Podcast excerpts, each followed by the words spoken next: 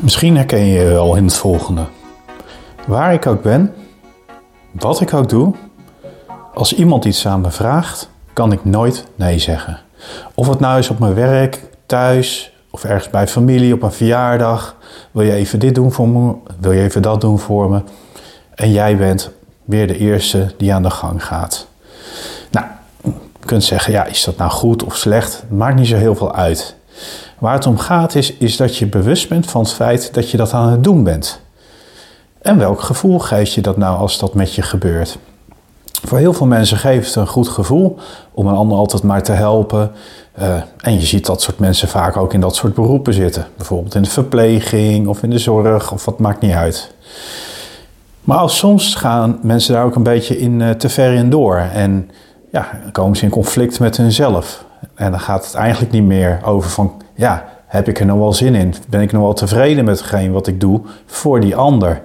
En daar zie je het heel vaak fout gaan.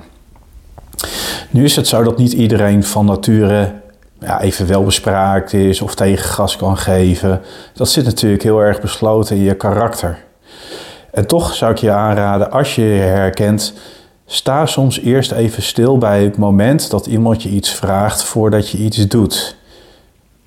Denk er even over na. Gun jezelf even de tijd om daar een antwoord op te gaan geven. Je hoeft niet altijd direct een antwoord te geven.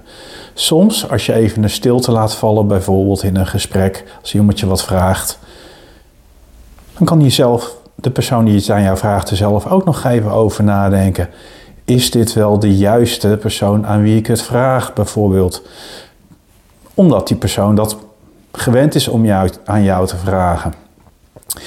En soms direct nee zeggen is misschien ook wel een beetje confronterend voor je. Denk je, ja, doe ik daar een ander geen pijn mee?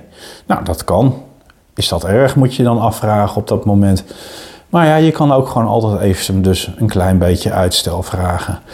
Dus wees gewoon een beetje op je hoede voor jezelf. Want wat denk je wat er gebeurt op het moment dat jij te veel ja zegt tegen dingen?